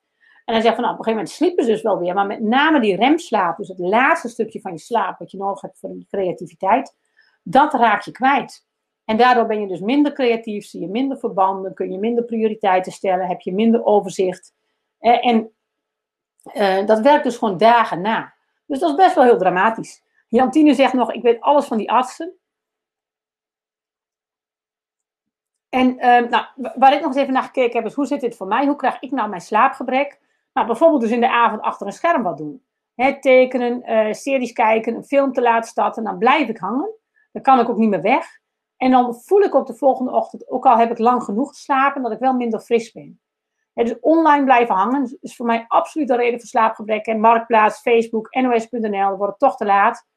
Nou ja, toch in de weekenden wil ik graag wel wat later opblijven, want dat is dan gezellig. Terwijl ik eigenlijk wel merk um, dat ik als ik dan langer opblijf in het weekend, dat ik toch minder fris ben, minder fit. Alcohol val ik prima door in slaap, maar slaap je slechter door. Dat merk ik ook. Ik word dan vaak wat minder, wat, wat wakker. Uh, S'nachts uh, wat sneller wakker, s ochtends wat vroeger wakker. Ja, cafeïne is voor mij natuurlijk dramatisch. Dus ik, ik, drink helemaal geen koffie meer, helemaal geen zwarte en groene thee meer, zelfs alleen maar kruidenthee. Vrijwel geen chocola, omdat ik merk dat al die vormen van cafeïne ja, toch wel effect hebben op die subtiele slaap. En dat wil ik gewoon niet, want ik wil gewoon fris en energiek en scherp zijn. Hoe slaap ik wel lekker en goed door? Geen wekker zetten. Op tijd gaan slapen en ook op tijd afkoelen in de avond. En naar bed gaan opstarten. En dat kost me zeker 30 minuten tijd. En naar bed gaan onderschat ik altijd. Dus ik wil elke avond weer wil ik om 11 uur in bed liggen. En elke avond ga ik dan om 5 voor 11 naar bed. Ja, de, dat lukt natuurlijk niet. Dus het heeft bij mij heel lang geduurd voordat ik dat uh, door had. Van hé, maar dat, daar moet ik mezelf gewoon een half uurtje voor geven. En dan kan het soms ook nog wel iets korter, maar dat, dat duurt gewoon even. Dus als ik rond 11 uur wil slapen of kwart over 11, dan moet ik rond half 11, kwart voor 11 naar bed beginnen te gaan. Nou, om dat te kunnen doen, op tijd afkoelen, moet ik eigenlijk na tien uur geen schermen meer doen. dus, um, dus geen schermen meer bekijken. Um, Brenda zegt, um, bedoel je dan letterlijk afkoelen, een cooling down? Ja, een, uh, een uur, maar dus ook inderdaad gewoon geen schermen. He, dus niet uh, fysiek een cooling down, maar gewoon geen schermen, maar bijvoorbeeld een boek pakken. En wat ik ook doe om lekker te slapen, is ik drink maar heel af en toe alcohol. Eigenlijk maar, het liefst maar één keer in de week. Maar dan geniet ik er ook echt van. Dat betekent niet dat ik heel veel drink. Dan kan ik een piepklein beetje wijn drinken of een beetje whisky. En, maar dan geniet ik er echt van. En dan weet ik ook van, ja, ik doe dit. En ik ben dus morgen vroeg net wat minder scherp en fris en fit en alert. En dan heb ik een stukje van die creatieve slaap gemist. Dat weet ik dan ook. Ik doe ook een middagdutje indien nodig. He, veel tijd voor vrijhouden. Dus ook gewoon, ik zorg dat ik een paar dagen per week ook gewoon ruimte heb voor het middagdutje. Dat ik het niet per se hoef te doen, dat het wel kan. Dat ik niet alle middagen in de week altijd druk ben. En dat helpt me dan ook. Hè. Is het dan een keer s'avonds toch wat later geworden? Heb ik wat minder geslapen? Dan kan ik altijd overdag zo'n extra dutje doen. En dat is dan ook een enorme reset, booster en ook eh, booster voor de creativiteit. Nog wat meer tips die mij helpen. Wat, ik heel, wat mij heel erg heeft geholpen is ook een lijstje maken met leuke offline mogelijkheden voor de avonden. Dan hoef ik dat in de avond niet meer te bedenken als ik moe ben. En dan weet ik al van, oh ja, ik kan in de avond dit soort dingen gaan doen. Nou, wat staat er dan op dat lijstje? Ehm, of, ja, en wat ook helpt, is op dat moment zelf afstemmen. van waar heb ik nu zin in? Dus niet strikt mijn lijstje volgen, maar waar heb ik zin in? En dat kan bijvoorbeeld zijn, nou, reflectie doen in mijn bullet journal. Dus niet allerlei taken en to-do's opschrijven, maar terugkijken. Opruimen. En mijn bureau opruimen, wat factuurtjes betalen, uh, tekenen op papier, maar niet veel op schermen. Dus weer maar gewoon rommelen, opruimen. Uh, tekenen op papier met boekjes, met kleurpotloden. Papieren boeken. Dus ik heb ook een heleboel papieren boeken bij de hand. Die staan zichtbaar boven de haard. ik ga vaak naar de bibliotheek, zodat ik verse nieuwe boeken heb. Uh, buiten een rondje wandelen, in de tuin rommelen. allemaal dat soort offline dingen helpen mij enorm om lekker in slaap te vallen. Ik merk trouwens ook wel een verschil tussen uh, een iPad-scherm, wat ik vlak voor mijn ogen hou, en een televisiescherm. Een televisiescherm lijkt wel rustiger dan uh, een iPad-scherm of telefoonscherm. Dan heb, je natuurlijk ook veel meer de smalle blik. TV-scherm is wat verder weg, heb je wat meer een bredere blik, daar kan ik me makkelijker van losdrukken. Maar heel belangrijk voor jezelf, ga maar eens nadenken. Hoe zorg jij ervoor dat je uh, genoeg slaap krijgt hè, en dat je genoeg slaap uh, door je week krijgt, zodat je je brein optimaal kunt inzetten, zodat je die creativiteit houdt. Dus even kijken, er zijn al een paar reacties van jullie. Lily zegt, ja, leuk van die verhaaltjes. Dat heb ik als kind van mijn oudere zus geleerd. Heb ik tot ver in mijn volwassenheid gedaan. Maar nu niet meer. Nu ben ik meer gericht op een andere manier. Maar ik herinner me nog dat fijne gevoel. Ja, wat grappig dat dit jouw manier is. Nou, wat leuk, Lily, dat jij dat ook hebt gedaan. Um, Marianne zegt, hoe zit dat over levensperiodes? Als je een deel van je leven 12 uur per nacht slaapt en een ander deel van je leven bijvoorbeeld 5 uur. Nou, Marianne, ik ben geen slaapexpert, dus ik vind het moeilijk om daar wat van te zeggen. Maar ik zou denken dat je slaap dan wel behoorlijk ver uit elkaar ligt. Ik lijkt mij bijzonder als je soms 12 uur slaapt en soms 5 uur. Ehm, ja, ik merk zelf ook dat ik wel gevoelig ben voor maanstanden, dus dat kan ook met je slaap te maken hebben. Maar ehm, een levensperiode van 5 uur slaap per nacht, uh, ja, terwijl je ook 12 uur kunt slapen, dan, dan lijkt me dat er wel wat met je aan de hand is. dus die 12 uur per nacht was dat omdat je ziek was, in een burn-out zat, aan het herstellen was. Vijf uur is dat als je heel druk was, heel veel adrenaline hebt en heel veel moed. ik ben benieuwd, hoe zit het met je slaap als je op vakantie hebt? Als je niks hoeft. Um, als je alleen op vakantie zou gaan, zonder schermen. En dus je hebt geen schermen mee, je komt in een natuurlijk ritme van jouw slaap terecht. Wat is je slaap dan? En dat is vaak een hele goede test van wat wil jouw lichaam eigenlijk. En vaak worden we natuurlijk afgeleid van dat natuurlijke ritme. Al is het al dat je een partner hebt met een ander ritme. Die, die s'avonds zegt, ah, blijf nog even zitten of een partner die ochtends om zes uur klaar wakker is en graag aan de slag wil. En dan laat je toch soms in, in, in meeslepen. En maar het is heel belangrijk om te beseffen wat is jouw natuurlijke slaapritme. En dat natuurlijke ritme is dus eigenlijk zonder afleidende schermen en hectiek s'avonds. En ook zonder te veel moeten ochtends. En als je daar naartoe gaat, naar die natuurlijke ongedwongen slaap, waar komt je lichaam dan in terecht? Waar voelt je lichaam zich goed in? Dat is een hele mooie ja, indicatie voor hoe jij zou kunnen slapen. Nou, Marianne zegt, nou, hoe maak je slaapschuld ongedaan? Ja, dat is een heel belangrijk, want slaapschuld maak je niet zo snel ongedaan. Als je veel te weinig geslapen hebt, dan moet je meer gaan slapen, maar dan krijg je ook een slaapschuldkater. Dus als je dan meer gaat slapen, ga je vaak eerst slechter voelen. Uh, dan ga je moe voelen en loom en lamlendig. En daarna komt pas weer die, de, de fitheid terug. En die slaapschuld moet je vaak ook in een aantal levels weer ongedaan maken. Dus dan, dan heb je echt een tijdje dat je wat meer gaat slapen, dat je moe voelt, dat je dan weer wat fitter gaat voelen. Dat je dan uh, weer een volgend level van slaapschuld ongedaan gaat maken. Dus dat is echt wel een uh, langdurig verhaal. Dat is ook niet een kwestie van één of twee dagen. En slaapschuld heeft echt meer tijd nodig. Dus in de week keihard doorbikkelen en dan in het weekend een uurtje langer blijven liggen. Dat is niet voldoende om weer helemaal terug te keren naar je natuurlijke slaappatroon, waarin je echt al je creativiteit en uh, mentale slimheid weer gaat benutten. Uh, Brenda zegt, hoe lang voordat je gaat slapen is het eigenlijk slim om te stoppen met beeldschermen? Nou, daar zijn verschillende onderzoeken naar. Het gaat vaak meestal wel over een paar uur. Maar hou het ook vooral voor jezelf bij. kijk maar eens als je na 7 uur niet meer op schermen zit, na 9 uur, na 11 uur, en wat dat met jou doet. En let dan vooral op je subtiele fitheid in de ochtend. Dus het is niet zo dat je met een bonkend hoofd van de hoofdpijn wakker wordt. Maar het is, je ogen voelen wat zwaarder, wat branderiger, je nek is misschien wat stijver je bent wat, wat trager, wat slomer, of misschien juist wel wat uh, nog voller van adrenaline, minder uitgerust. En ga dat vooral voor jezelf testen.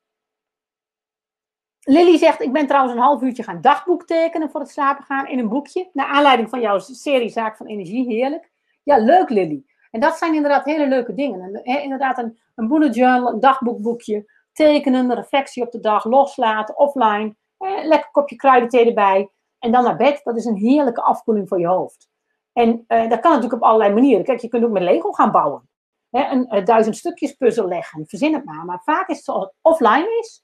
Handwerken, uh, timmeren, zagen. En het is niet al te inspannend voor adrenaline.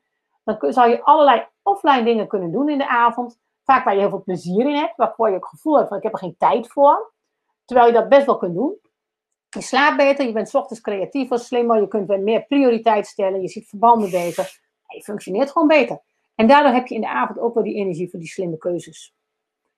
Lydia zegt, ik luister een boek voor het slapen gaan via mijn telefoon. Maar die staat in de donkere modus, zodat er geen weinig blauw licht vanaf komt bij het starten. Ja, wat ik nog merk, Lydia, is dan dat ik dat luisteren, uh, bij mij werkt dat veel fijn als ik het zonder oordopjes doe. Met oordopjes heb ik het gauw te hard staan en dan zit ik toch weer te veel in mijn hoofd. Terwijl als het buiten mij ligt, zachtjes, en dat, ja, dat kan natuurlijk niet altijd als je een partner hebt die ook tegelijkertijd in bed ligt en iets wil luisteren. Maar dat scheelt voor mij alweer voor mijn energie. Uh, Lily zegt, heb je nog tips voor een chronische slaapstoornis? Mijn uh, zusje heeft al jaren, lijkt hier al jarenlang aan en heeft heel veel geprobeerd. Boeken, methodes, experts. Nee, heb ik eigenlijk niet. Nou ja, het boek van, uh, van Walker natuurlijk is een heel goed boek. Uh, chronische slaapstoornis, ja, dan zijn er vaak heel veel dingen verstoord in je hormoonhuishouding, in je lichaam, in je fysieke processen. Het is enorm puzzelen om terug te vinden waar het aan ligt. Er kan ook trauma onder liggen. Ze hebben bijvoorbeeld gevonden, dat beschrijft Walker ook in zijn boek, dat mensen die lijden aan posttraumatische stressstoornis heel vaak slecht slapen en dromen. En Walker zegt daarvan, waar het op lijkt, is dat bij die mensen het wegschrijven van de emotie tijdens de slaap verstoord is geraakt.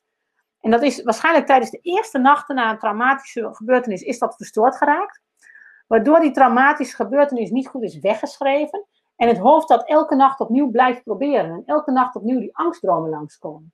En er zijn nu dus ook bij toeval andere medicijnen ontdekt. Die ervoor zorgen dat dat non-adrenaline niveau in je hoofd dan in, in, je lijf wordt aangepast. Waardoor je wel goed kunt dromen. En waardoor die mensen met die PTSS dus alsnog die traumatische stoornis kunnen verwerken. En er zijn natuurlijk heel veel meer methoden voor. Maar ze komen er steeds meer op het spoor van hoe ontzettend belangrijk dat slapen en dromen is. En dus uh, ja, repeterend slecht slapen kan dus ook zo'n trauma onderzetten, wat, wat je hoofd elke nacht probeert weg te schrijven, wat niet lukt. En, maar er kan van alles onder zitten en ik ben geen slaapexpert, dus ik ga daar zeker geen advies in geven, behalve dan lees dit boek. En een belangrijk ander advies vind ik toch wel van probeer ook zoveel mogelijk toch weer de natuurlijke slaap te vinden. He, want uh, slaappillen die helpen vaak alleen maar bij het in slaap vallen. Ja, en soms heb je die gewoon wel echt nodig, wil je die een poosje gebruiken. Maar wees daar heel voorzichtig mee. Probeer zoveel mogelijk terug te gaan naar een natuurlijke manier. Zorg dat je overdag buiten bent, dat je wandelt, dat je beweegt. Gebruik gewoon 0% cafeïne. Dus geen zwarte thee, geen koffie. Uit onderzoeken blijkt dat cafeïne binnen drie uur uit je lichaam zou moeten zijn. Nou, bij mij is dat gewoon niet zo. Als je mij een klein kopje koffie geeft om 11 uur s ochtends, dan val ik s'avonds om 11 uur slecht in slaap. En ben ik de volgende ochtend om 6 uur wakker, terwijl ik niet wakker ben. En bij mijn lichaam duurt het veel langer voordat cafeïne eruit is. En dat geldt voor meer mensen. En dus slaap je slecht, dan zou ik echt zeggen, ga naar 0% cafeïne. Dus geen zwarte thee, geen groene thee, geen koffie. En doe dat eens 30 dagen. Geen chocola. Echt nul cafeïne. Uh, veel buiten zijn, veel daglicht, veel zonlicht, veel beweging. Uh, weinig schermen s'avonds, s ochtends wakker worden zonder wekker. En geef je lichaam de tijd om zich te herstellen. Je lichaam is een langzaam organisme, maar als je lichaam zich weer hersteld heeft, is het ook heel krachtig en weerbaar. Lily zegt, oh, dat ga ik eens nalezen. Ze heeft inderdaad een whiplash auto-ongeluk opgelopen in die tijd. Ja, daar zou dus prima mee te maken kunnen hebben dat er sinds dat moment iets verstoord is. En het zou dus ook kunnen zijn dat als dat weer goed komt, hè, dat dat dus ook voorgoed weer goed is. Dus dat zou natuurlijk heel fijn zijn. Nou, dat was wat ik jullie vandaag wilde vertellen over slaap. Het was een, eh, een heleboel. En daarnaast hebben we ook nog een paar hele leuke ingediende vragen gekregen. Naast de leuke vraag van Anne. En dat was gewoon zo'n leuk onderwerp. Dat ik dacht van ja, daar gaan we gewoon eens even flink tijd van maken. Want slaap is zo belangrijk voor je energie. Ik hoop dat je dat nu ziet. Dat je ziet hoe belangrijk slaap voor jouw energie is. En ga ook eens voor jezelf kijken. Wat doet slaap met jouw gezondheid? Wat doet slaap met je energie? Wat doet je slaap met je bewustzijn? En hoe kun je dus slimmer worden bij de handen, creatiever in je werk? Doe gewoon meer te slapen. Hoe leuk is dat? Nee, niet allerlei ingewikkelde tools en technieken of trainingen die je moet volgen. Gewoon langer in je bed liggen, meer slapen, slimmer slapen, beter afkoelen s'avonds. En zoveel meer uit je werk en leven halen. Beter prioriteiten kunnen stellen. Nou, ik vind het een fantastische methode. En ik denk ook wel dat we slaap heel vaak onderschatten. En wat um, Walker helemaal, de slide van Walker die ik jullie in het begin liet zien, ik pak hem nog even bij.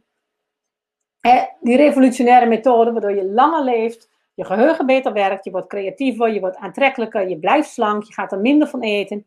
Ze beschermt je tegen kanker, dementie, houdt verkoudheid en griep buiten de deur, verlaagt de kans op hartaanvallen en beroertes en diabetes. Je wordt gelukkiger, minder depressief, maak je minder zorgen. Ja, dat komt allemaal, hangt dat samen met slaap.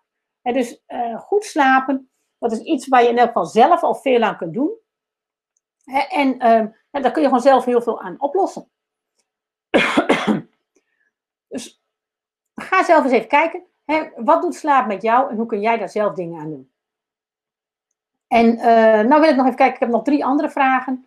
Uh, even kijken. Lily had nog een leuke. Ook via de mail ingediend. Ze zegt, ik, ik, wat ik merk qua energie is dat ik helemaal kan verdwijnen in de computer. En zoals met het uitzoeken van een pakket of hosten voor een nieuwe website. Uren vliegen voorbij zonder dat ik het in de gaten heb. En dat voelt als lekker en flow. Lekker om gefocust bezig te zijn met één onderwerp. Maar ik kan niet meer stoppen. Want het is nog niet klaar. En dan moet ik met alle geweld de laptop dichtklappen. En dan voel ik hoe ver ik van mezelf verwijderd ben geraakt. Ik moet me echt losscheuren van het beeldscherm. En dan voel ik me niet echt lekker. Snelle ademhaling en zo heb je tips. Nou, Lily, wat uh, dan toch wel heel erg speelt, is dat die schermen je aandacht als het ware gijzelen. En ook je bewustzijn vasthouden. En dan, uh, dan raak je daar inderdaad helemaal in verstrikt. Het wordt, je wordt inderdaad meegezogen. En je moet je achteraf. En op dat moment neem je niet meer waar. Uh, wat er eigenlijk allemaal gebeurt. Je hebt ook vaak een heel laag lichaamsbewustzijn dan. Dus je voelt pijntjes in je rug en nek niet, je arm niet. Het is ook een manier waarop RSI zich soms opbouwt. Dat je zo opgaat in je schermwerk. En dat je van fysieke dingen allemaal last gaat krijgen. Er zijn dus ook heel veel schermwerkers die dat vaak hebben. Die die dat ook wel lekker vinden. Maar je merkt dan als je losscheurt van je scherm wat het met je heeft gedaan. Je s'avonds thuis komt van je werk. En je hebt eigenlijk weinig aandacht voor je partner of je kinderen. Omdat je nog zo in die schermmodus zit.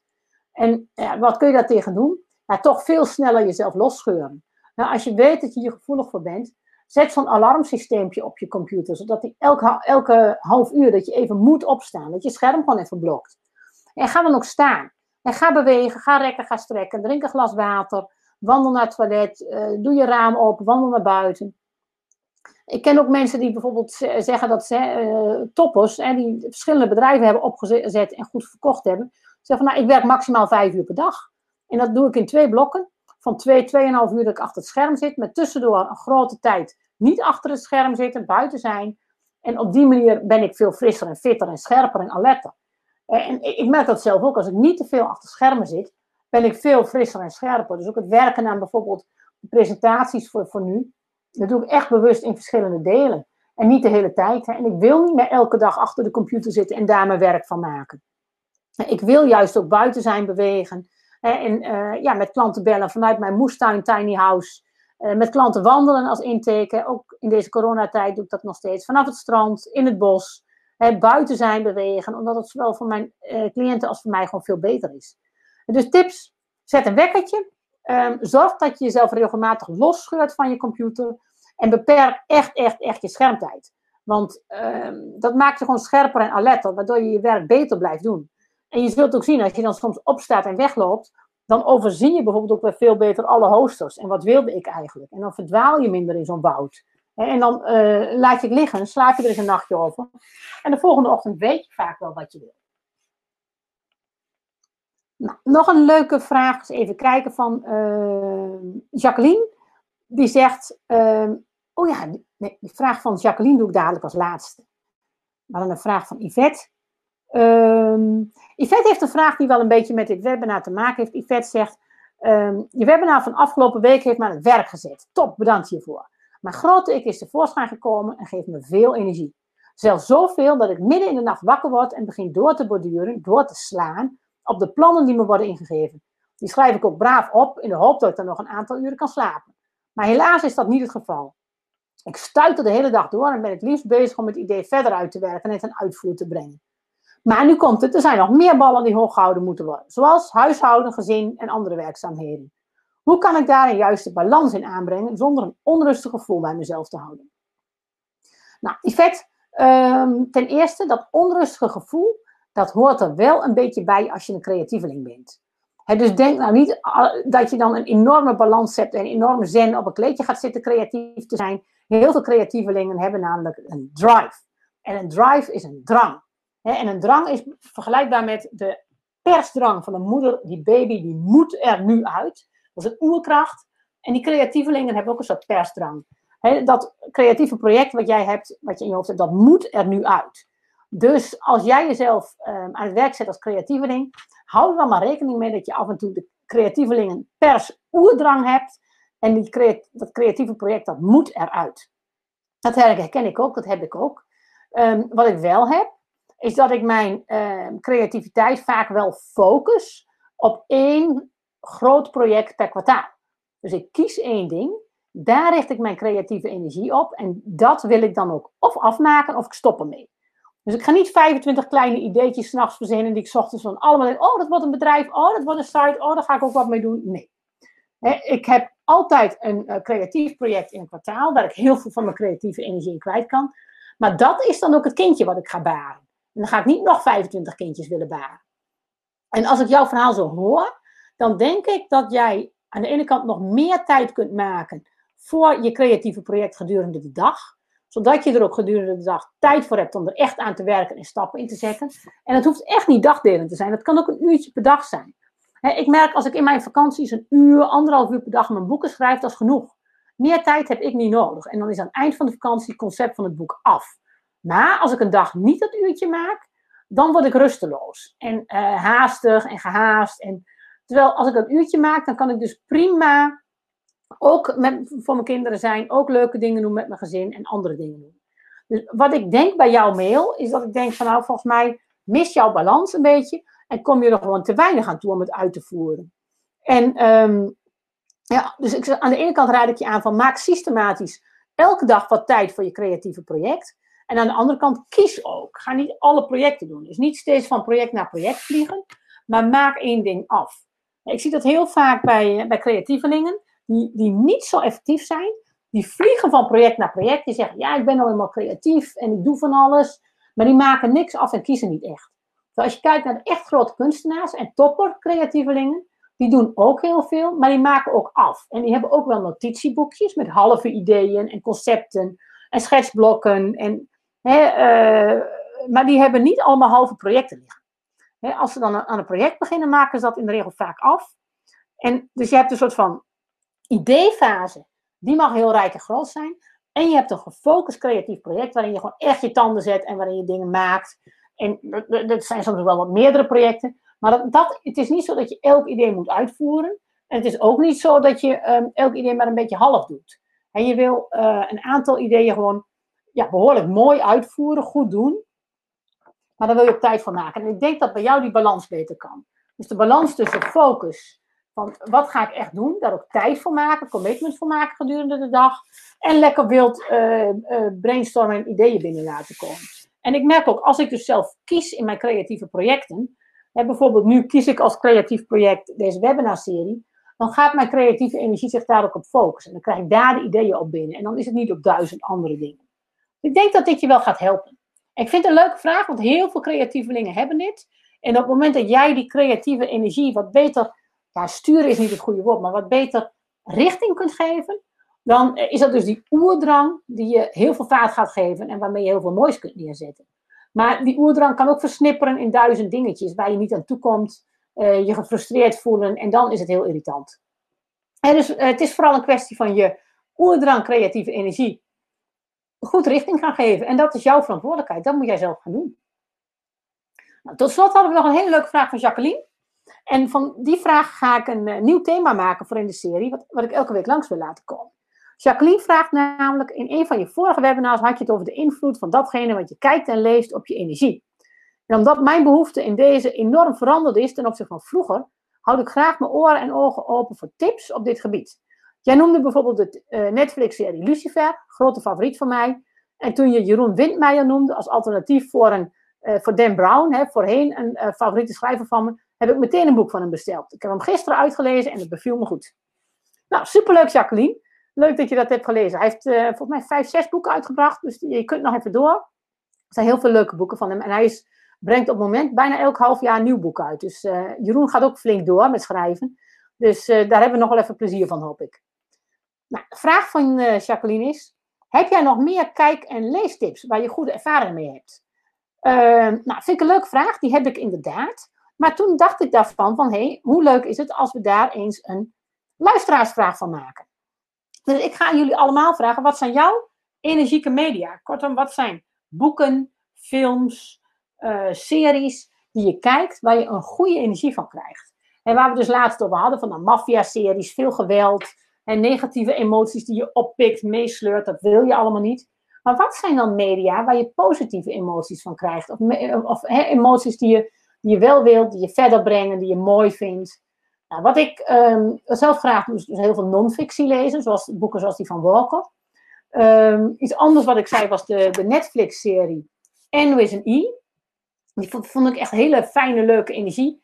Heel vrolijk, uh, ja, lekker om naar te kijken. Uh, Lucifer vond ik een leuke serie. Ik vond uh, Chloe de politieagent wel een beetje irritant dommetje. Maar de rest van de cast vond ik geweldig. Met alle uh, kinderen en alle verwikkelingen. Echt heerlijk. Dus ik wil hier eigenlijk een lezersvraag van maken. Heb je zelf energieke media, media waarvan jij zegt, god, die vind ik leuk. Dat, uh, daar kijk ik naar, daar luister ik naar, dit inspireert mij. Uh, mail ze. Ik ga ze niet allemaal behandelen in deze serie, maar ik wil hier een terugkerend onderwerpje van maken. Dat ik in de, in de, in de serie regelmatig ook een deel van jullie inspiratie laat terugkomen. Ik ga daar natuurlijk wel een beetje op censureren. Ik ga een beetje kijken van wat ken ik wel, wat vind ik passen bij deze zaak van energieserie. Maar ik wil ook heel graag inspiratie van jullie. dus um, laat me horen, wat zijn jullie energieke media? Mail me. Doe je mee met de podcast? Mail het, want ik ga dit vaker terug laten komen, dit onderwerp. Dus wellicht hoor je straks een keer jouw tips voor energieke media um, in een volgende aflevering van Een Zaak van Energie. Nou, ik zie geen vragen meer en ik ben door jullie vragen heen. Dus um, ik ga de, de aflevering van vandaag hiermee afronden. Dank voor jullie aandacht, dank voor jullie aanwezigheid. Dank voor jullie leuke ingediende vragen, waar we heel veel mee konden. Um, super dat jullie erbij waren. Je krijgt weer, als je je hebt ingeschreven, vanzelf de link naar de opname. Deel deze serie gerust met anderen. He, superleuk. Ik krijg veel enthousiaste reacties. Dus hoe meer mensen dit gaan ontdekken, hoe leuker. Wil je volgende week weer meedoen? Um, dien vooral op live je vragen in. He, uiterlijk zondag om, uh, om uh, 8 uur. Of dien je vragen in via e-mail. Dan ga ik daar live op in. En wil je niet live meedoen, kun je altijd terugluisteren via de podcast op iTunes, op uh, Apple Podcast, in Spotify. of op YouTube, dan kun je ook het beeld van de, van de sheets erbij zien. De serie is wel altijd zo gemaakt dat je ook zonder beeld het gewoon moet kunnen volgen. dus je kunt ook prima naar de podcast luisteren zonder dat je het beeld ziet. En dan wens ik je weer een hele leuke week, een fijne week, vol energie. um, wil je meer weten? Kijk eventueel op faction.nl voor ZZP'ers of op www.zachtwerken.nl voor alle werkenden over het werken en hoe je kan helpen. Maar daar ga ik verder niks over vertellen. We houden het bij deze serie. Een zaak van energie. Ik wens je voor de komende week heel veel plezier, heel veel energie en uh, maak er wat moois van voor jezelf. Hoi hoi allemaal!